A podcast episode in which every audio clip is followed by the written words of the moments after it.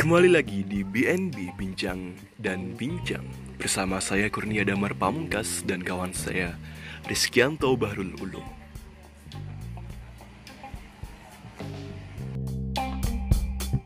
thank you